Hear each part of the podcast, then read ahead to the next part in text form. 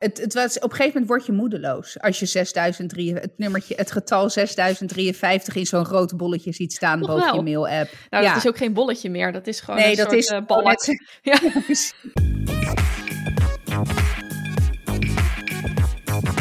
Hey, welkom. Leuk dat je luistert naar Dit is 30. Dit is aflevering 95. En het is vandaag 27 februari 2022. Ik noem het er eventjes bij, omdat eh, nou ja, een paar dagen geleden de oorlog in Oekraïne is uitgebarsten. Als ik het zo mag eh, zeggen. Of Rusland heeft Oekraïne aangevallen, laat ik het zo zeggen. En nou, we hadden net in de voorbespreking al eventjes. En eh, ik moet zeggen, Gaia, het was de langste voorbespreking ooit, denk ik. Ja, dat denk ik ook, ja. Maar dat, Ja. dat vergt het onderwerp denk ik ook wel. Ja, en meestal dan, als we dan voorbespreken, dan, eh, dan geven we aan elkaar door van waar denk jij over, waar, waar wil jij over hebben. En dan houden we het vrij kort, omdat we juist in de aflevering spontaan richting elkaar het gesprek aan willen gaan. En deze was wat diepgaander, omdat Ja. eh, ja, het gewoon veel, nou in ieder geval veel met mij doet. En met jou ook, denk ik. Ja, nee, zeker. Nou, we, begonnen, we, begonnen, we beginnen eigenlijk altijd, joh, hoe gaat het? En toen was eigenlijk allebei zoiets van, nou... Dat is Ja. trouwens ook vaak een van jouw eerste vragen in de podcast. Inderdaad. Dus eigenlijk hadden we toen toch, konden, eh, eh, konden we toch beginnen met opnemen. Nee, ja, ehm, ik ben echt wel eh ontdaan, ja. Ontdaan, ja, dat is echt een, eh, een goed woord. Goed, goede Ja, beschrijving, en ik- zo voel ik me ook. Weet je, eh, wat ik wel me ook meteen realiseer, is dat er op deze aardkloot continu landen zijn die onterecht aangevallen worden. Of überhaupt, hè, wanneer wordt je land terecht aangevallen? Maar goed, dat is een hele andere discussie. Dat, en ik, it, pains me to say, maar dat is toch verder van je bedshow. Het komt nu ineens heel dichtbij. En ik vind vooral ook de onzekerheid die ermee gepaard gaat. Even eh, los van de, het, de humanitaire ramp daar. Hè, dat, daar gaan we het straks ook nog echt over hebben. Maar als ik, als ik kijk naar wat, voor effect het voor mij persoonlijk heeft. Ook dat de onzekerheid van ja shit, stevenen we nou echt serieus af op een derde wereldoorlog? Is dit, is dit... Ik zei ook tegen Frank van de week toen het moment dat... Dat, eh, dat was de nacht van woensdag op donderdag volgens mij dat Rusland Oekraïne binnentrok. Verder dan al die twee, nou ja, ik noem het maar even afvallige regio's. Ik zei ook tegen Frank, wordt dit zo'n moment dat je je over twintig jaar nog kan herinneren waar je was? Weet je wel? Is dit dan, is Ja. dit dan het moment? Nou echt, en de rillingen lopen langs mijn rug. Nee, ik voel me ondaan en ook, eh, ik heb wel ook een soort diep in me, echt een bro- brok. Misschien is het niet eens verdriet, maar gewoon, ik voel me triest. Ik voel me er triest Ja. over. En dat heeft inderdaad te maken met dat het dichterbij komt. Ik had met eh, onze oudste daar een gesprekje over. Toen liet ik hem ook wel weten. Nu realiseer ik me, was dat slim of niet? Ik weet het niet. Hij is bijna 15. Ja, ook, ook niet gek. Ik zei, eh, ja, het is maar een paar kilometer. Tuurlijk, het is meer dan een paar kilometer verderop. Maar in principe Het is 1400 is kilometer, maar geloof een paar ik. kilometer Eh, verderop. ja. En één iemand, één kansloze gek met veel te lange tenen, bes- besluit dit. Heeft het, het volk waar die, de mensen die achter hem staan opgehitst, eh, geïndoctrineerd. En nu is dit. Ik denk, wat is... Nou, dat, dat vond ik ook beang- beangstigend. En weet je, er wordt natuurlijk ook meteen al de vergelijking gemaakt met de Tweede Wereldoorlog en de opmars van Hitler. En ook het gedachtegoed, of in ieder geval de MO. Ik weet niet of dat hout snijdt, maar het feit dat één gek, want zo'n enorme impact kan hebben op de wereld en op vrede en op mensenlevens, dat beangstigt me. Hebben we dan toch nog steeds niets geleerd van wat er in het verleden is gebeurd? Of is het alweer te lang geleden? Ja, ja. Er blijven... Ik, ik, moest, ik had een paar weken geleden ook zo'n realisatie dat ik ook denk dat ik ook dacht, ja, het is niet zo dat omdat mensen 300 jaar geleden leefden dat ze veel dommer waren of weet ik het wat. Het was gewoon hetzelfde. Het leven zag er wel anders uit, maar mensen dachten over dezelfde dingen na, weet je wel. Liepen tegen dezelfde levensproblemen aan. Ik voelde ineens een soort van connectie richting mensen uit het verleden in die zin. Eh, en hetzelfde zou je ook kunnen plotten, denk ik, hierop. Ja, het verleden gaat voorbij en dit is weer een nieuwe tijd of een andere tijd. En iemand kan gewoon weer net zo gek doen. En mensen kunnen daar net zo hard voor vallen. Het is natuurlijk een heel plan geweest. eh, dat zei je. Ja, dit is Ja. years, decades in the Ja, making natuurlijk ja. misschien wel. Maar dit is, het komt, niet, komt niet over, dit is niet, gaat niet over één Nee, nacht tijd. nee, dus als jij eh, nu, ik weet het niet, een rust bent van een bepaalde leeftijd, ben je opgegroeid met een bepaald denkbeeld. Niet iedereen, hè? Want er zijn ook zat Russen die uh, voor... Er zijn heel veel Russen die, uh, die tegen, tegenstand zijn. Maar goed, leven. het probleem is ook dat... Ja. Ik wou, net, ik wou net zeggen, want het probleem is dat je als je al met een, met een bij wijze van uh, Oekraïns hartje rondloopt, word je al opgepakt. En nou ja, dan is ook maar de vraag waar je terecht komt en hoe dat ja. dan precies zit. Want nou ja. ja. Ik zijn een aantal dingen. Ik heb me niet helemaal begraven in mijn struisvogel. Hoe noem je dat? Dus de kop in het zand steken nieuwsmeider uh, gedrag. Omdat ik dacht, ja, ik moet wel iets. En er werd me natuurlijk ook wel iets aangereikt richting de verschillende social media waar ik op zit. Maar wat bij mij veel impact maakte, waren. Ik heb drie filmpjes gezien die veel impact maakten. Dat was uh, het afscheid van Oekraïense soldaten van hun vrouw. En waren dat militairen of waren dat burgers tussen de 18 en 60 jaar mannelijk die nu het land niet uh, mogen oh, verlaten? Jezus. Oh, nee, uh, nee, nee, dat waren echt militairen. Dus ja, oké. Okay. Dat, dat raakte me gewoon heel erg. Maar er werd ook dat, ja. die, die blikken in die ogen. Nou ja, ik um, moest er gewoon even niet aan denken. En dan was er nog een stukje van Jane Goodall, de, ja, ik zei het chim chimpansee dame. De chimpansees waren het, ja, hè? Volgens ja, mij, uh, ja, ja, chimpansees mij, ja. Die zei, uh, ja, je wordt gek als je daaraan denkt en daar alles op wil lossen, want dat, dat lukt je niet. Dus think globally. Je mag best wel globa uh, global denken, maar act locally. Kijk of je waar, op de plek waar je bent iets kan betekenen. Ja. En dat, uh, nou, dat geeft dan een bepaald perspectief waar ik wel wat mee kan.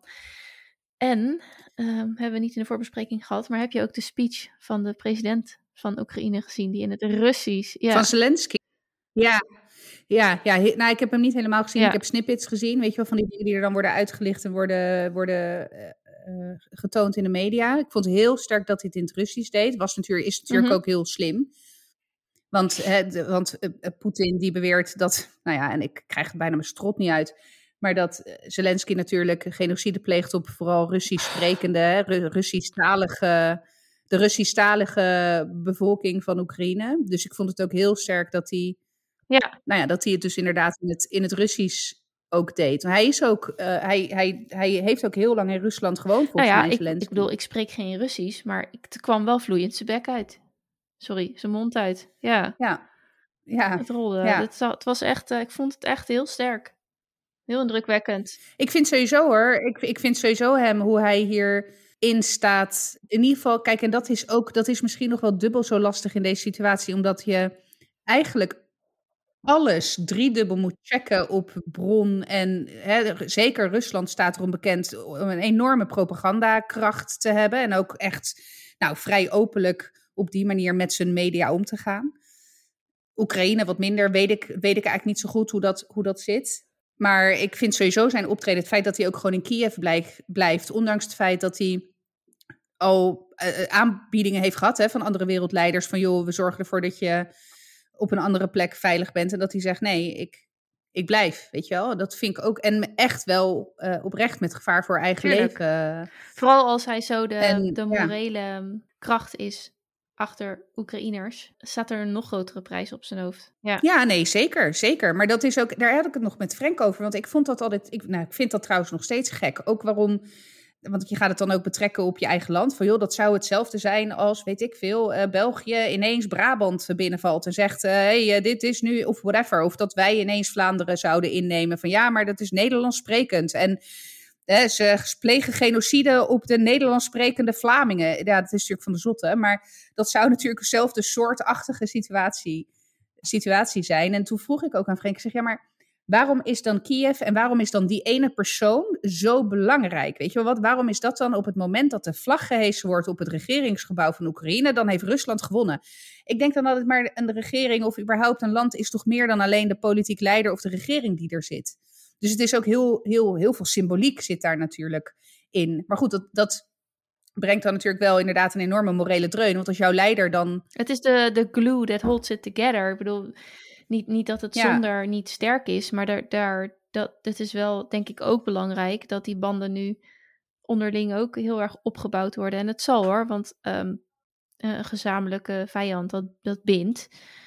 Maar ja, dat is, dat is inderdaad vooral, eh, kijk, het, dat ene plekje daar in dat enorme land innemen, dat is natuurlijk op vierkante meters niet zo belangrijk inderdaad, maar eh, in het geval van uh, de moreel wel. Ja, dus, maar goed, ik, ik vind hem sowieso, uh, nou ja, ik, een, krachtig, een krachtig leider. Hij is, ik vind, hij is ook heel jong, hij is 44 geloof ik. Heeft ook helemaal geen politieke nee, achtergrond. Wat, hij is, ja, hij is acteur, komiek. Ja, klopt. Klopt, dus ja, hij heeft ook niet, weet je, het is hem ook niet met de paplepel nee. ingegoten of zoiets. Weet je, hij is niet gevormd. Hij zat niet in het Young Leadership programma van het World Economic Forum, waar Poetin bijvoorbeeld wel in zat. Oh. Heeft niemand daar een soort van red flag kunnen ontdekken bij... Ja, uh, blijkbaar... Uh, de monster. Ja, daar zitten wel meer. Uh, de Trudeau zat er ook in, Macron geloof ik. Dat is echt die. Dat schijnt nogal een kweekvijver te zijn voor politieke leiders, hmm. zeg maar. Dat, dat young potential traject, whatever the fuck well, van het lef. that went. that one backfired. ja, dat, ja, precies. Ja. Precies, ja. Dus, uh, dus nee, ik vind hem sowieso een heel, heel krachtig optreden. En ik denk ook wel, hè, want ik benoemde het er net wel even. Ze hebben natuurlijk, en daarom worden, uh, zijn het met name de vluchtelingen die nu richting de grenzen gaan, uh, zijn vrouwen en kinderen.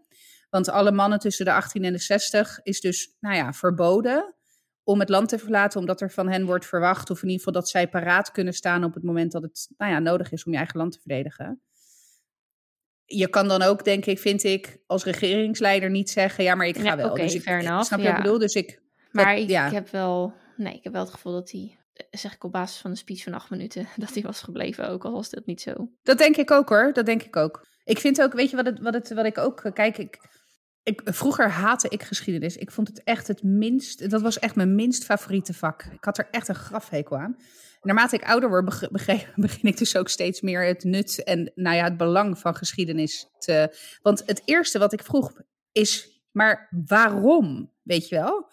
Why the fuck? Je hebt, als je kijkt hoe fucking groot Rusland is, doe ja. normaal, weet je Wat moet je daar? Het, dat is echt, ik denk, hoe, wat, hoe klein, hoe micropiemel moet jouw micropiemel yes. wel niet zijn? No offense voor mensen met micropiemels, maar Nee, ja, niet, ja, zeker fans richting Poetin. Maar nou ja, sommige, sommige mannen hebben micropiemels en er is helemaal niks mis mee. maar dan, dus, nou ja, goed, dus Frank, die is, dat is echt een history junkie, zeg maar. Die weet heel veel daarover. Dus die, die probeerde het me een beetje uit te leggen. En die gaf ook wat linkjes van filmpjes waar dat als soort van uitgelegd werd vanuit historisch oogpunt, zeg maar. Waarom dat dan... En ik blijf bij mijn punt, wat de fuck moet je daar hoor, daar ja. niet van. Maar goed, wat ik, heel, wat ik namelijk echt niet uh, helemaal en nog steeds niet helemaal kan of begrijp of hoe dat. Kijk, weet je, het, het hele probleem is geloof ik dat Oekraïne flirt, even zo gezegd, met de EU en de NAVO. Die wil heel graag toetreden. Nou ja, ik moest ook gelijk denken aan dat referendum van vier jaar geleden, waar niemand een fuck van begreep, waar we voor moesten stemmen met ja. de gemeenteraadsverkiezingen toen. Dat had ja. ook iets met Oekraïne te maken. En niemand begreep waar dat over ging. Maar goed, dus dat is, en dat is volgens Poetin, hè, dat, dat, dat wilde hij niet. Of dat wil hij niet. Ik denk, en, en dat is nu ook een beetje het probleem, want omdat Oekraïne geen NAVO-land is, kunnen NAVO-lidstaten vanuit het artikel 5 van het NAVO-verdrag, van joh, voor alle, alle voor één. Als één iemand wordt aangevallen, worden we allemaal aangevallen. En dan heb je dus een wereldmacht die, militaire wereldmacht, die dan dus, nou ja, kan ingrijpen. Ja, dat kan in Oekraïne niet, omdat Oekraïne geen NAVO-land is. Hetzelfde geldt trouwens voor de EU, want Oekraïne is natuurlijk ook niet lid van de EU. Dus, en ik denk dan alleen maar, ja, maar, ik denk, maar, maar, eh, snap ja, je wat ik bedoel? Dus, weet je wel. Ja. ik bedoel, dan hebben ze Oekraïne, dan staan ze, staan ze, volgende, staan ze morgen aan jouw grens. Nou, dat is natuurlijk het, waarom wel de NAVO-lidstaten dus wel, uh, wel hulp in goederen en zo. En hè, die, die steunen nu aan alle kanten financieel en met, met materieel. Sterker nog, Duitsland heeft een wetswijziging doorgevoerd om wapens te kunnen sturen naar de, dus niet naar Oekraïne of naar de, nou ja, naar de, de wel-NAVO-lidstaten die grenzen aan Oekraïne. Want dat is natuurlijk waar Europa en de wereld en de VN bang voor is. Van, nou, en, dat, en ik ergens ook. Van ja, maar oké, okay, who's, who's next dan, weet je wel? Want, ja, nou ja, goed. Ik wou ook vragen aan je. Wat doet dat? Denk je aan je eigen kinderen, gezinssituatie? Ik, mij houdt het wel bezig. Want ja, ik zou het ook even gewoon niet zo gauw weten. Want wat moet je dan? Blijven zitten? Weggaan? Waarheen? Hoe? Op het moment dat het, dat, dat het bijvoorbeeld Nederland ineens aangevallen ja? zou worden. Ja, nou ja, goede vraag. Ik, uh, ik, ik, weet, ik weet het echt niet. Ik, ik durf niet te zeggen wat ik zou doen. Nee. ik denk dat, kijk, ik heb dan nog een soort van de mazzel tussen uh, aanhalingstekens dat ik natuurlijk best wel veel familie in Italië heb. Dus ik kan mijn auto pakken en daar naartoe rijden. En dan weet ik dat ik huis en haard heb. Je mag mee hoor, schat, als je ja, wil. Ja, fijn. Mooi. Bij deze. Kijk, mijn familie zit in België. Hi mam. Maar uh, dat is op zich uh, niet heel ver weg. nee, de kans dat als Nederland wordt aangevallen, dat België daar ook... Want ze woont ook niet, zeg maar, in het uiterste zuiden van België. Nee. Nee.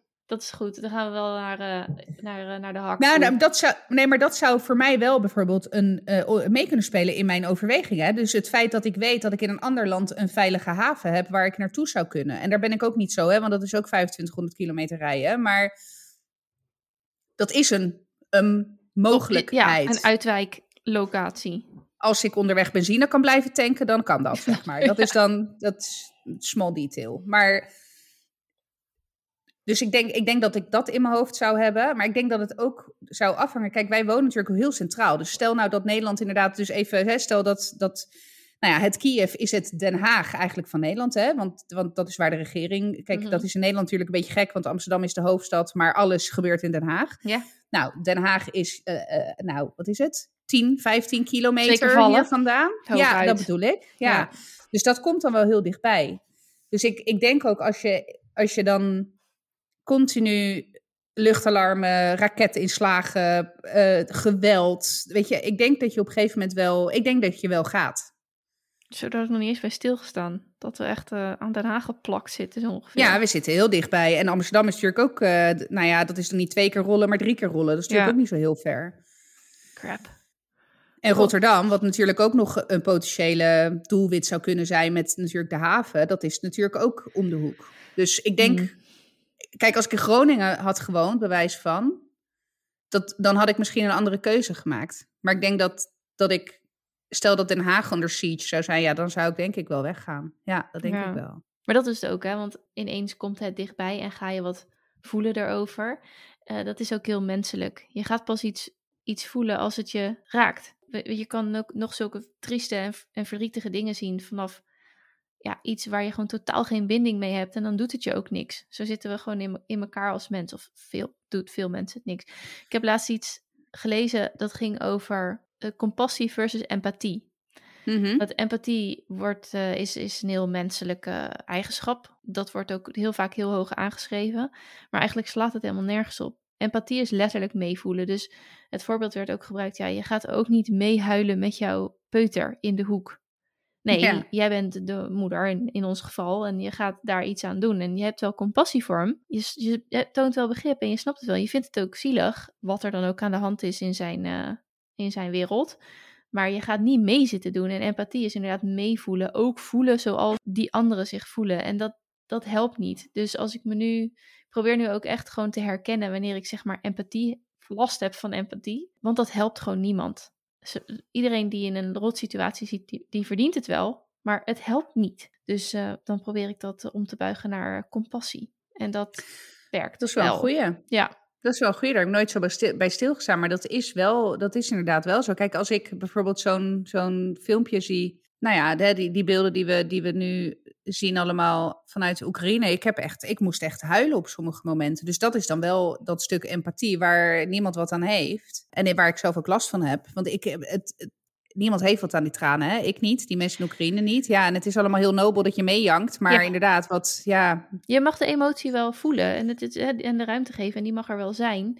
Maar uiteindelijk eh, dient het niemand en kost het je alleen maar een ongelofelijke bak energie. Dus, dus dan is compassie echt een betere keuze. Ja, wat ik trouwens wel ook nog, dat had ik wel, eh, toen we het gingen voorbespreken, ik ook even kort benoemd. En daar heb ik geen seconde bij stilgestaan, totdat ik erop werd gewezen door, door wat posts van ehm Lofai, die, eh, die Lotte, die, oh, die had dat dan weer doorgepost geloof van Viola Davis. Over dat dus aan de grenzen worden, en ook om richting de grenzen te gaan, dus ook bij metrostations bijvoorbeeld in Kiev in ieder geval, hè, worden dus mensen van kleur, ook vrouwen en kinderen van kleur, eh, tegengehouden. Dus die worden dan weer bijvoorbeeld achteraan de rij gezet of die worden niet toegelaten. En onder de noemer Ukrainians First. Nou, toen, eh, mijn hart breekt al zeg maar gewoon hè, vanuit de situatie. Maar dat dan ook nu weer zo pijnlijk duidelijk wordt hoe racistisch wij als volk zijn. En ook, en dat vond ik ook wel kwalijk, het feit dat er op geen enkele manier er aandacht aan wordt gegeven in de mainstream media. En het Ja. ene leed is niet erger dan het andere leed. Want dat is, weet je, maar op het moment dat je claimt kinderen en vrouwen eerst, kinderen en vrouwen moeten de grenzen over, dan maakt de kleur van iemands huid of de afkomst van iemand of het, het, de letters op het paspoort van iemand maken niet uit. Je bent Nee. vrouw, je bent kind, je Ja. gaat de grens over. Punt. Je leven is in gevaar. Ja, ja heftig. Dat is een soort, soort ramp in een ramp of zo. Stille ramp in een, in een ramp. En Ja. natuurlijk ook, ook verschrikkelijk om, je, om bovenop alles wat je al voelt en meemaakt. Om dit ook Ja, dan ook weer te maken hebt met, in, zelfs in een oorlogssituatie, Ja, Van wat, want er zijn ook heel veel studenten die daar dus, eh, die daar dus vastzitten, maar ook dus jonge moeders en nou ja. En ook mannen van kleur. Maar dat zelfs in zo'n situatie ben je tweederangs burger. ja. En die, die kwam wel aan, dat ik dacht, holy fuck. Vraag Ik af. voelde me ook weer echt all the way white privileged. Ook het feit dat ik daar ook dus niet, echt zo, geen seconde heb ik erbij stilgestaan. Nee, Ik heb, er niet, ik heb er echt werkelijk geen seconde bij stilgestaan. We zijn nu ook echt officieel wel heel erg volwassen en krijgen het ook wel heel erg mee, denk ik. Ik denk dat het misschien ook wel meespeelt dat dit voor ons echt... Nou, je- ik ben me. ik ja, ik, nou ja, ik ben me heel erg ook bewust van de potentiële consequenties. Weet je, de- van nou ja, dat moment dat je dan op de bank zit en denk je, holy shit, is dit het moment dat? Weet je wel? En wat voor, wat voor, wat impliceert dit? En dit is wel, dit is echt aan de threshold van een derde wereldoorlog. En wat betekent dat dan? Want je kan niet copy-pasten wat er in de Tweede Wereldoorlog Nee. gebeurde, hoe dat nu dan zou zijn. Nee. We leven in een hele andere, hele andere tijd. Maar dat is inderdaad ineens dat je het vanuit een volwassen perspectief bekijkt, ook omdat je kinderen hebt. Ja. Dus je hebt ineens, weet je, gaat het alleen om mezelf? Ja, oké, weet je, prima. Maar het gaat ineens ook om je kinderen en om ook de toekomst van je kinderen. Ja, Dus de wereld die je voor hen achterlaat. En ja, nou ja, dat, dat, is, eh, dat is heel lastig. En je, je benoemde aan, de, aan het begin van de podcast al, het is zondag. We, we nemen nu op. De, de aflevering airt natuurlijk altijd op donderdag. Donderdag, dus ja. met, met de snelheid waarmee het nu de afgelopen dagen is gegaan, zal ook, weet je, alles wat we hier nu over gedeeld hebben, donderdag zal de wereld er weer heel anders uitzien. En eh, nog even één vraag, want je zei dat je het wel met de oudste het erover hebt gehad. Heb je het ook met, eh, nou ja, de, Louis denk ik niet, doe ik nu even de aanname. Eh, Mason, krijgt hij er iets van mee? Of? Mm, ik sprak mijn potlog in net en toen zei ik ook kort even iets over dit. En toen vroeg hij, eh, toen zei ik zoiets van ja, ik, ik voel me er triest over of ik voel me er verdrietig over. En toen vroeg hij toen ik klaar was waar ik me verdrietig over voelde. En toen zei ik omdat het de oorlog is in een ander land. Oh, oké. Dus dat, ehm, in die zin heb ik het met hem besproken. Verder niet. Nee, Nee. nee, het komt hier ook, weet je, hier staat ook het nieuws verder niet aan of zo. Dus het is ook niet dat hij ermee geconfronteerd wordt. nee. Maar ehm, ja. Hey, we Dus. gaan even over Ja. eh, naar iets anders. Jij eh, vertelde in de voorbespreking dat je ehm, iets hebt gedaan met je e-mail. En die heb ik wel eens eerder ge- gehoord. Het bewaren van e-mail kost servercapaciteit en dus is het eh, even, dan, dan heeft het dus impact op het klimaat. Zeg ik hem zo goed? Ja, nou ja, ja, in principe wel. Nou, niet in principe, dat is het. Yes. Kijk, het, het, de data, weet je wat, eh, e-mail zit in de, de zogenoemde cloud. Nou, de cloud is gewoon, zijn e- die enorme datacenters die overal, hè, dus die zijn enorm groot, kosten dus enorm veel energie om dat gekoeld te, te houden. Eh, en dus heeft dat een enorme impact eh, als je het hebt over klimaat ten aanzien van de koelsysteem of de, de, de energieslurpende datacenters. Want alles in de cloud is leuk, dat hangt niet in een wolkje boven de lucht. Dat, dat wordt gewoon opgeslagen op, nou ja, die servers. En, nou ja, goed, hè, ze hebben onderzoek gedaan al een paar jaar geleden volgens mij. Naar wat dan de impact is hè, van al die mailtjes op, op je, mm, op je data, of in ieder geval op, de, op klimaat. Dus hè, hoeveel mailtjes of hoeveel, nou, hoeveel meters kan je rijden met een auto, zeg maar, om dezelfde CO2-uitstoot Oh, te hebben als één bewaard mailtje. Nou, en ik, als ik het verkeerd heb, dan ga ik hem weer lekker in de nieuwsbrief uh, Daarom hebben we ook de nieuwsbrief. ja, maar volgens mij was het equivalent van één e-mailtje was 35 meter rijden met je auto. Zoiets. Nou denk je, valt wel mee, maar hoeveel e-mails stuur je per dag? Iedere Ja, dag. Ja, En, en jij, ik, met 7 miljard mensen zijn we. Nou, niet 7 miljard mensen die e-mail gebruiken, maar dus kan je nagaan wat voor klimaatimpact dat heeft. En Uh, nou, kan ik heel ridderlijk zeggen dat dat mij gebracht heeft tot het moment dat ik eindelijk mijn 6053 ongeopende e-mails ging uh, wegwerken. Dat is niet zo. Ik werd daar niet door nou ja, gepusht. Een, is dat een accuraat nummer? Zeker, 6053 nee. ongeopende e-mails had ik. Ik zou gewoon uh, weggaan en een nieuw leven starten ergens. ja, nou ja, dat, dat ik, ik, oh, ik, ik ben, ben... De, ik ben de strijd aangegaan. Ik ben van inbox zero, hè? I know, maar mijn werk-e-mail, mijn werk-inbox is ook, dat is, vind, is altijd voor mij mijn, zeg maar, soort van de sport om die op, uh, op leeg te krijgen, zeg maar. Holy crap. Oké, okay, 6053 ongelezen. Ongelezen, ongelezen. Nou, jij bent gaan zitten. Ik ben gaan zitten. Ik moet, ik, wat ik heb gedaan, en dat is, want kijk, even de reden, onder andere de reden waarom ik zoveel ongelezen e-mails heb. Ik heb het e-mailadres wat ik nu nog steeds heb, is het allereerste en enige e-mailadres wat ik ooit heb aangemaakt. Dus daar zit, nou weet ik veel, 20 jaar aan e-mailhistorie aan vast. Dat is dus ook 20 jaar aan internet aankopen, aan nieuwsbrieven, aan, aan spam, aan, weet je wel, aan, je hebt iets besteld en je komt op een nieuws. Uh, hè, dat, er, er zit 20 jaar aan want internetgebruikhistorie aan vast. Ja, dus je wist, je hebt niet alleen de inhoudelijke mails niet verwijderd, maar je verwijderde überhaupt nooit mails. Nou, op een gegeven moment niet meer. Hm. Omdat ik door het boom het bos niet meer zag, zeg maar. Ja. Of het, het was, op een gegeven moment word je moedeloos als je 6003, het nummertje, het getal 6053 in zo'n groot bolletje ziet staan boven wel. je mail-app. Nou, ja. dat is ook geen bolletje meer, dat is gewoon nee, een dat soort is, uh, balk.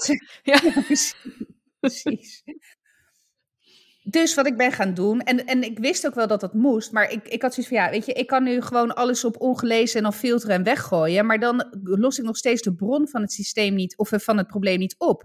Want het, het mailtje daarna van die 30.000 nieuwsbrieven of whatever, komt, wordt nog steeds verstuurd. Dus er is nog steeds dataverkeer naar mijn e-mail, waar ik dus ergens iets, nou ja, er gebeurt nog steeds iets.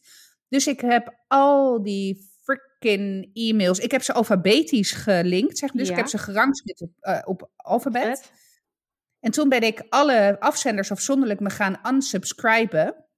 Dus je hebt altijd aan de onderkant een ja, en, um, en zo ben ik, zeg maar, nou ja, het doorgaan worstelen van A tot Z. Heb ik dus ook, ook want daar zitten, zaten dus ook welgelezen e-mails uh, tussen.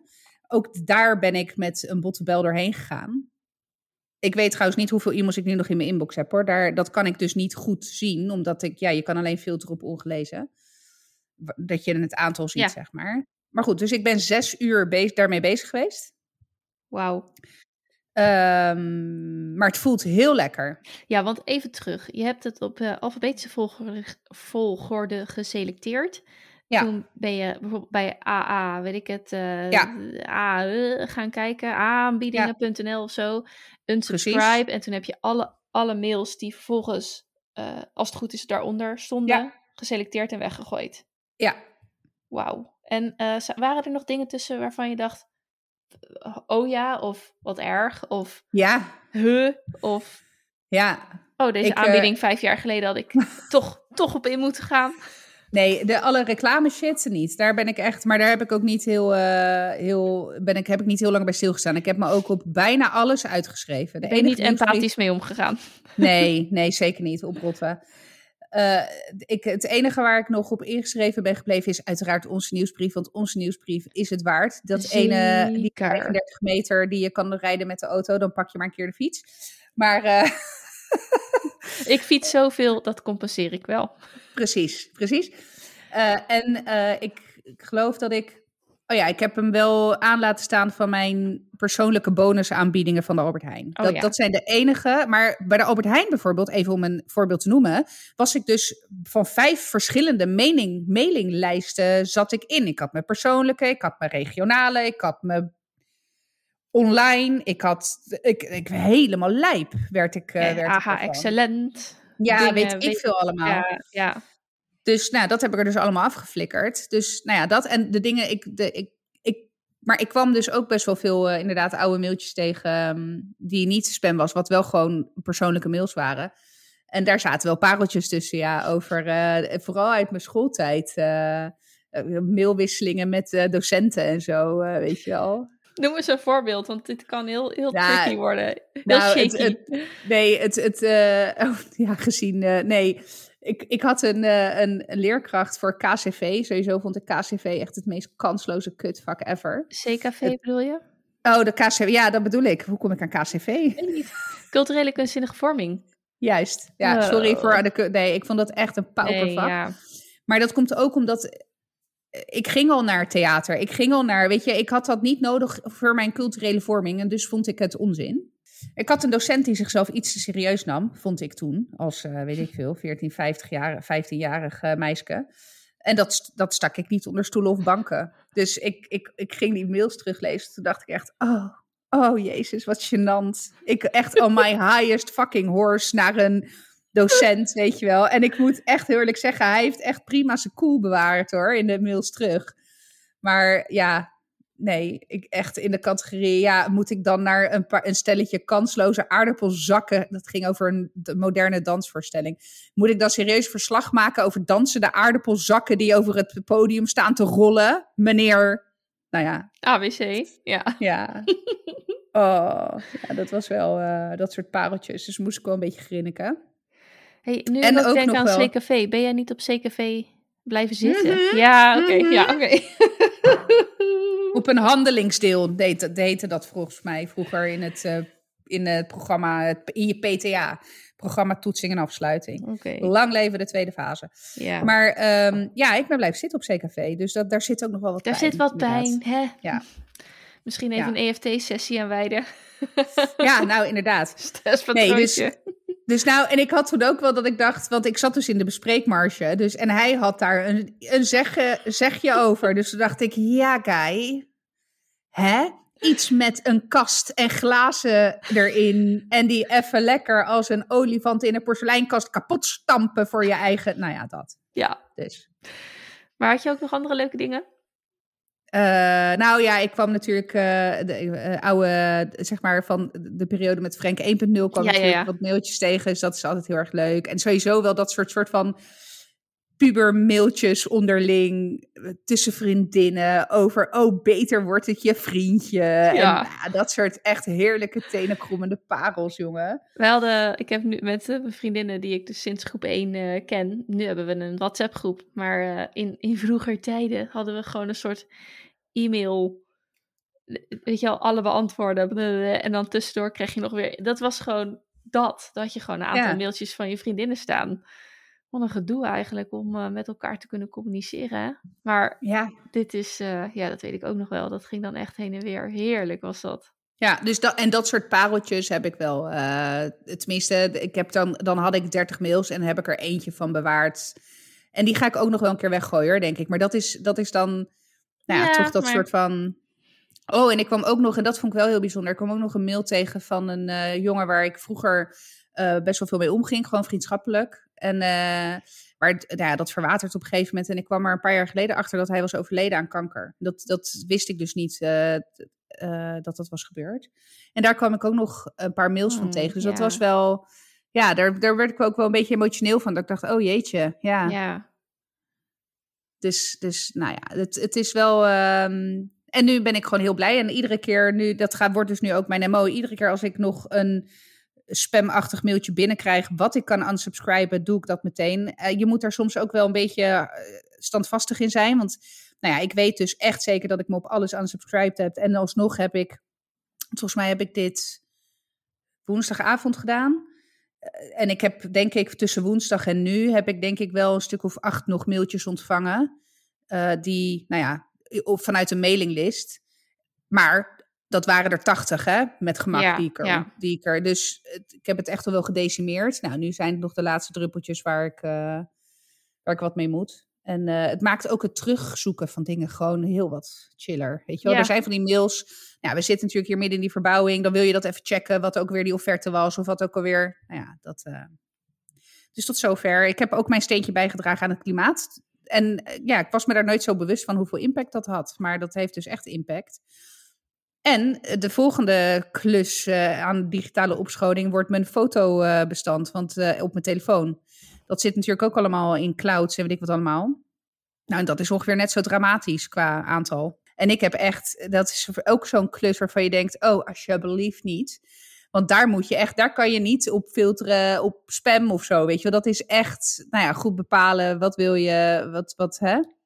Wat wil je behouden? En de, de, de tip overigens die ik daar nog over heb gehoord van iemand die dus, nou ja, oh, dat artikel volgens mij wat ik hierover heb gelezen is om, om dat soort bestanden ook gewoon op een, op een harde schijf te zetten. Want dan, dan neemt het geen datacenter in beslag of dingen in de cloud. En dan heb je het wel ja, want ik heb, uh, wij hebben uh, OneDrive van Microsoft, van Outlook. En daar betalen we ook voor. Uh, en daar uploaden we foto's vanaf onze telefoons. Dus ik ben wel redelijk ehm, goed bij met het verwijderen van foto's die op mijn telefoon staan. Maar ja, die gaan dan gewoon net zo hard natuurlijk die, die, die server op.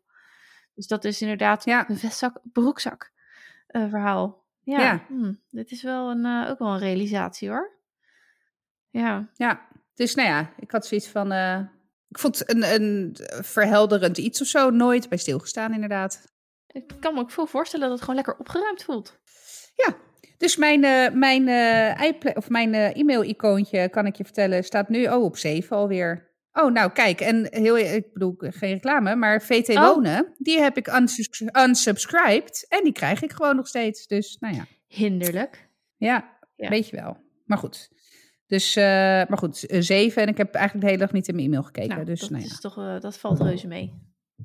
Vind ik. Precies. Het is beter dan 6053. Bizar. Ik vind het een bizar iets. Nou, Frank heeft volgens mij 15.000 of zo ongelezen e-mail. Dat is helemaal bizar. Mijn rotte. Nou, dus dat. Leuk klusje.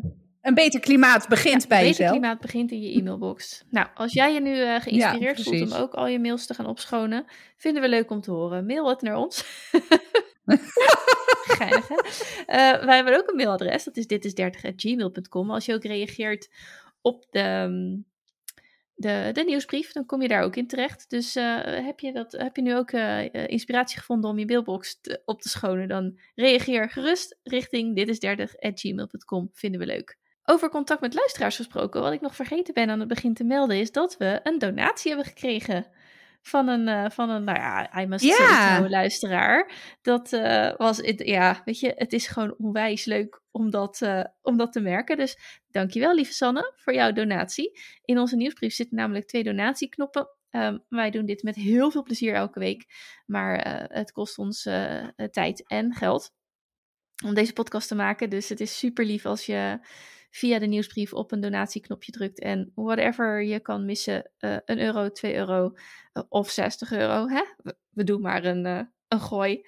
Dan daar zijn we hartstikke blij mee. Dus bij deze super bedankt, lief Sanne, voor jouw donatie. Oké, iets anders. Wat ik van de week las, en ik heb er zelf dus geen last van. Maar als je een menstruatiecup gebruikt, dan schijnt het zo te zijn dat je ook per ongeluk je spiraal eruit kan trekken. Ja, fucking bizar.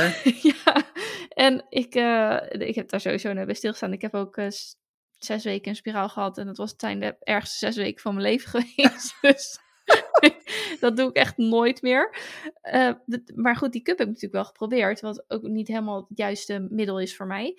Maar ja, dit is natuurlijk... Dit, dit, dit, dit, ik vond het wel heftige informatie. Ik bedoel, je hebt zo'n spiraal er niet voor niks in zitten. Nee, nou ja, inderdaad. En het lastige ook is dat, kijk, het is nog één ding als je het merkt dat je, dat je er meetrekt. Ja, maar ja. de, de kans is ook best groot dat je het niet merkt. Want weet je, zo'n spiraal is echt, maar, is echt vrij klein. Ja, het is maar een centimeter of vier, denk ik. Ja, dus maar dan weet zit je, ik misschien kijk, nog aan de, aan, de, aan de grote kant. Kijk, dus als jij, weet je, en dat, dat, nou ja, dan, nu wordt het een beetje plastisch, maar als dat zwemt in het badje van bloed van in je menstruatiecup en jij gooit dat gewoon leeg in de wc, weet je, voordat je hem afspoelt en opnieuw inbrengt, ja, dan merk je dat ook niet, zeg maar. Tenminste, Nee, ik ging niet iedere keer mijn menstruatiecup bestuderen op enige vorm van, nou ja, zaken die daar niet hoorden. Nee, nee, maar het, ah, je verwacht het natuurlijk ook al niet. Dus het is niet dat je er extra op let. En inderdaad, als ik hem uithaalde, dan zat ik gewoon op de wc. En dan ging die gewoon flop, weet je wel, gewoon in Ja. één, eh, hoe heet dat? In één beweging door, gewoon, hopsakee, eh, al, die, al, die, al dat bloed en, en, en slijmvlies wat erin zit, dat ging gewoon de wc in en dan doortrekken maar. Dus dat is gewoon weg. Ja, dat is nogal schrikken. Nou ja, ik, uh, er was, was ook echt wel een percentage waarvan ik denk, van, ja, sowieso is elke is er één is er natuurlijk te veel. Maar uh, normaal gesproken, zeg ik het even uit mijn hoofd, is 5% wat de spiraal verliest, zeg maar, nadat die Ja. gezet is. Ja. En, eh, en dit was nu met cupgebruikers is de kans 17%. Ja, klopt. Ja, dat, is flinke, dat zijn flinke cijfers. Nou En, ja, dat, precies, ja. Met best wel heftige gevolgen. Maar Nou ja, kijk, je ook. neemt een spiraal. Ja, nou ja, ja je neemt natuurlijk een spiraal om, eh, om nou ja, als anticonceptiemiddel over het algemeen. Dat is de voornaamste reden om een spiraal te nemen. Dus nou ja, dan ga je er dus ook vanuit dat je veilig kan vrijen, even, vrijen, even los van voorboedsmiddelen die je eventueel gebruikt ter voorkoming van, uh, van uh, SOA's. Maar hè, als je in principe in een, in, een, in een vaste relatie zit, ja, ik heb nooit met een condoom gevreden, gevreden in een vaste relatie. Maar ik heb ook een spiraal gehad om, om dus uh, nou ja, niet zwanger te, te worden. Bij mij is dat overigens ook niet goed afgelopen, dus ik ben ook geen fan van, van de spiraal. Maar ja, als je het, als je het bedenkt, hè, want uit zeg maar, de, de spiraal zelf wordt natuurlijk in je baarmoeder geplaatst, maar daar, daar blijven dan altijd een soort van draadjes aan de buitenkant van Ja. je baarmoedermond zitten. Ja, Zodat je ook de spiraal weer kunt verwijderen. Dat is op zich logisch. ja, Die menstruatiecup werkt natuurlijk met een vacuüm. Ehm, dus dat is ook de reden waarom die blijft zitten, normaal gesproken. En waarom die dus ook lekvrij is, want die creëert een soort van vacuüm. En op het moment dat je, dat, dat je dus die, die cup eruit trekt en niet goed eerst het vacuüm nou ja, verbreekt, zeg maar, dan kan dus door de kracht van dat vacuüm, kan je dus die spiraal meetrekken. Of als je bijvoorbeeld draadjes hebt die vrij lang zijn afgeknipt, dan kan je ook gewoon, wanneer je het puntje pakt van je menstruatiecup, per ongeluk een draadje meetrekken. Ja, En omdat, ik, ik, weet je, tijdens je menstruatie staat je baarmoedermond natuurlijk ook iets eh, opener dan normaal. Ja, zeker. Ja. Dus dan is het ook relatief makkelijk, denk ik, tenminste, ja, om zo'n om zo'n ding eruit te trekken. Dus ik vond het ook wel, ehm, ik vond het ook wel echt heftig. Maar ze hebben nu ook aangegeven dat ze het willen gaan vermelden, toch? Bij, ehm, Ja, geloof het wel. En er zijn ook, de, de, de, de- er is in ieder geval aandacht voor. En, Ja. en dit was voor mij de totale nieuwe informatie, iets waar ik helemaal niet bij stil had gestaan. Dus eh, ja, bij deze ook, omdat er ook vrouwen en vastvrouwen met spiralen en cups naar ons luisteren. Ja. Ehm, let daarop. Want ja, of weet je, ga, ga gewoon even naar je huisarts of iets. Of eh, eh, nou ja, laat iemand even kijken of het ding er nog goed in zit. En Ja. misschien bespreken hoe je er het beste mee om kan gaan of opzoeken. Want ja, het is best een, best een ding.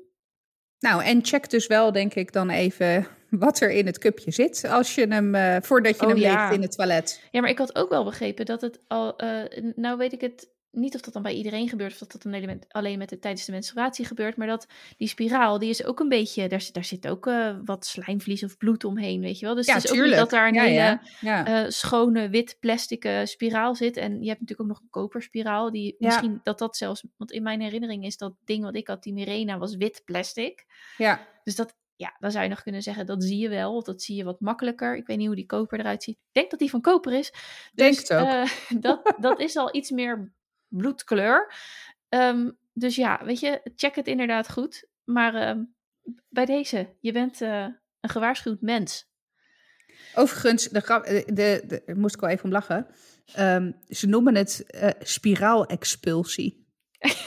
Wat een heerlijk woord. Spiraalexpulsie. Alsof je baarmoedermond letterlijk die spiraal uitspuugt. Zo zie je Ja, het ook precies. Ja, precies. Ik zie dat ook wel helemaal voor me. Maar Oh. goed. zo. Alright, Ja, dus dat. oké, ja. hey, jij had nog iets over eh, een kinderdagverblijf. Ja, nou, ik las een berichtje op LinkedIn. eh, een berichtje van eh, Linda van Schie.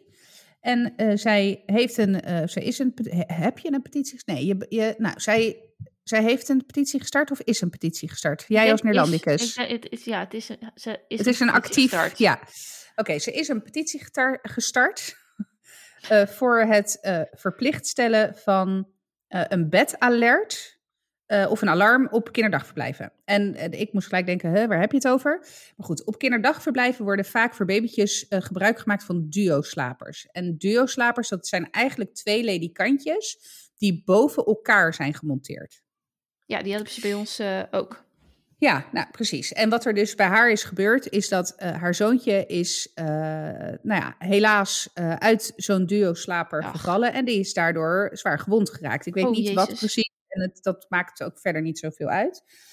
Ehm, maar goed, dit, en dat kwam omdat dus de, de leidster het bedje niet goed had dichtgemaakt. Dus dat bedje was opengevallen, gegaan. En daardoor is, dat, is, dat, is, dat, is haar zoontje dus uit het bedje gerold en is op de grond gevallen. Zij is dus nu een petitie gestart om een, een, het, verplicht, het, uh, het verplicht te stellen aan kinderdagverblijven om een bedalert uh, te installeren bij duo-slapers. En dat is niks anders dan een alarmpje wat aangeeft, dus afgaat op het moment dat jij dus niet correct het bedje sluit. Zo'n dingetje kost 100 euro, naar schijnt. Uh, dus ik dacht meteen, joh, waarom, waarom is dat dan dus nog niet verplicht? En wat is dit dan voor, nou ja, hè? Ja. Als je het hebt over quick wins, laaghangend fruit en al dat soort andere kansloze managementtermen. dan denk ja. ik, nou, hè, let's go. Dus, uh, dus nou ja, dat wilde ik wel even benoemen. Want ik vond het wel, uh, ik heb daar dus ook nooit bij stilgestaan. Ik, ik, ik weet heel eerlijk gezegd niet eens of wij duo-slapers hebben. Ik denk het wel eigenlijk maar nooit bij stilgestaan dat dat, uh, dat, dat kan gebeuren. Of dat en ook dat daar dus een, een oplossing voor is. Dus nou ja, bij deze uh, bedalarm op een duo slapen op KDV's. Ik zal de petitie linken in, uh, in de nieuwsbrief. Want nou, ik vond dit wel een belangrijke. En alleen ja, dan toch wel weer heel verdrietig dat er dan een kindje nou ja, eerst gewond moet raken voordat dat dan zo gebeurt. Maar ja. Ja, ja dat, uh, ik vind het ook wel uh, sterk dat zij voor, haar, voor die goede zaak dan nog strijdt, zeg maar. Ik, wij hebben wel dus inderdaad wel op het uh, kinderdagverblijf. Ik weet ook dat er bij ons kinderdagverblijf in de periode dat Louis daar nog zat, is dat wel eens voorgekomen. niet op zijn groep, dus het is allemaal wat verder. Het was een vrij groot kinderdagverblijf, dus ja, dan ja, ergens op een andere groep is dat gebeurd. En wij kregen zeg maar als ouders allemaal een bericht van, van, de, van de locatiemanager. Van nou ja, er was, uh, dit, is er gebeurd. Als je erover wil praten, kan je mij bellen. Nou, zus en zo. Dus maar goed, uh, de specifieke persoonlijke details werden natuurlijk niet gegeven en terecht. Maar uh, dat is uiteindelijk wel in die zin gelukkig goed afgelopen. Maar daarna weet ik eigenlijk niet of ze daar nog andere processen voor in gang hebben gezet. Wij hebben, uh, ja, Louis sliep toen ook al niet meer, sowieso niet in zo'n duo-bed. Want als ze peuter zijn, dan gaan ze op zo'n stretchertje. Ja, een soort veldbedje-achtig. Uh, ja, uh, ja. slapen. Dus dat, en dat wilde hij sowieso niet, want dat vond hij allemaal veel te gezellig. Ze hadden hem beter nog in zo'n ledikant kunnen laten liggen. Maar ja, dat is dan weer niet de, nou ja, het proces of zo. Dus nou, oké, okay, nou, je moet het zelf maar weten ga die strijd maar aan. Hè? Ik ben er toch niet bij. Maar die, um, nou, dat, dat, dat, was best wel een, een, een, heftig iets. En ik kan me ook voorstellen dat het voor de pedagogisch medewerker zelf ook uh, nou, een zeker. klap is. Want ja, die, die, nou, en dat benadrukt zeggen, maar je doet dit natuurlijk niet expres. Nee, natuurlijk niet. En dat benadrukte die, uh, die dame van die de petities gestart ook hoor. Dat van joh, ze benadrukt ook van joh, die, die mensen die hebben een enorme werkdruk. Dat is bekend. Dus het is ook echt in geen enkele, op geen enkele manier een richting die, die pedagogisch medewerkers of richting de kinderdagverblijven. Maar als er zo'n simpele oplossing is om ook een, een pedagogisch medewerker te ondersteunen in haar werk, ja, why not, weet je wel? Ja, en inderdaad 100 euro voor zo'n apparaatje vind ik inderdaad ook niet, uh, niet opwegen, dat zijn de kosten die wegen echt niet op tegen het risico wat je vervolgens wegneemt. Dus uh, eens. Precies. ergens denk ik ook, dat kan, moet toch ook goedkoper kunnen dan 100 euro? Het hoeft toch maar, het hoeft niet zoveel te doen. Het moet registreren dat het niet helemaal dicht zit en vervolgens afgaan.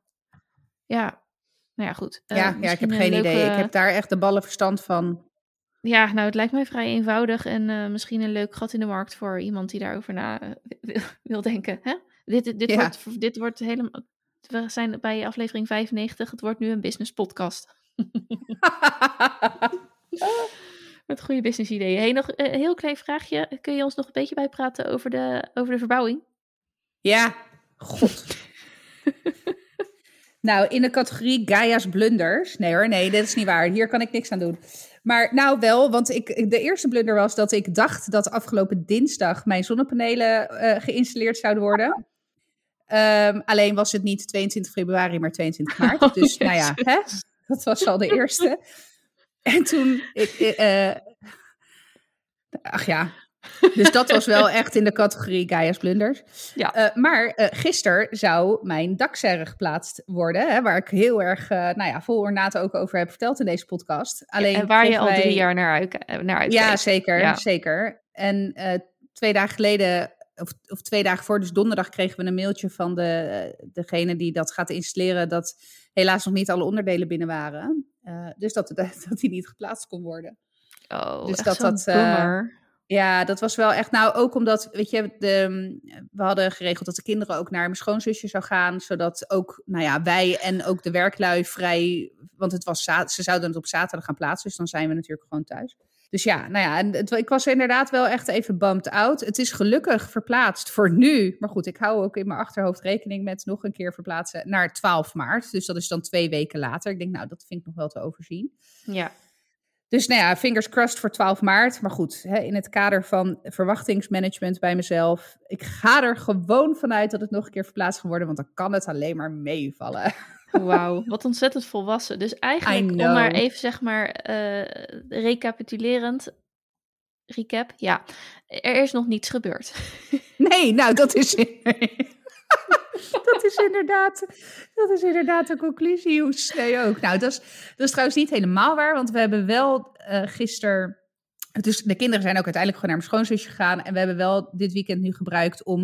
Nou ja, bijvoorbeeld alle spullen alvast te halen voor het verfwerk in Milo's kamer. We hebben de spullen besteld voor de inbouwkast van Zeno. Dus we hebben echt wel wat, wat voorbereidend werk gedaan. Waardoor ik hopelijk, want ik, nou ja, komende week ga ik lekker uh, een paar dagen in een landbouwhuis vertoeven. Maar de week daarna ben ik vrij, uh, maar gaan de kinderen gewoon naar school. Dus dan ga ik wat klusmeters maken. Uh, ervan uitgaande dus ook, hè, gepland dat er al het een en het ander was gebeurd. Dus nou ja, uh, dus we hebben wel nog wat nuttigs kunnen doen met deze, met deze tijd. Maar uh, ja, het, uh, feitelijk gezien is, ziet mijn huis er nog steeds hetzelfde uit als een week geleden. Ja, klopt. Terwijl in mijn hoofd dat niet zo zou zijn. Oké, okay, ik ga de aflevering afsluiten. We hadden het een en ander aan verbindingsissues. Dus ik ga gewoon lekker aan de edit morgenochtend. En dan uh, maken we er wel weer een, een, mooie, mooie aflevering van voor jullie. Dus uh, nou goed, je bent al aan het eind. Dus je hebt hem al doorgeluisterd. Hartstikke fijn. Super bedankt voor het luisteren. Vergeet je niet aan te melden voor de nieuwsbrief via dit is, dit is 30.mailchimpsites.com of klik op de link in de show notes. Nogmaals, hij is het echt waard. Echt waard. Het is echt een verrijking van de... Nou, als de, als de podcastaflevering 2D zou zijn, dan zou de nieuwsbrief hem naar 3D tillen.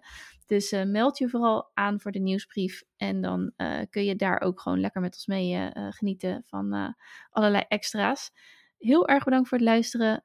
En jullie horen ons volgende week weer. Doei doeg! Doei!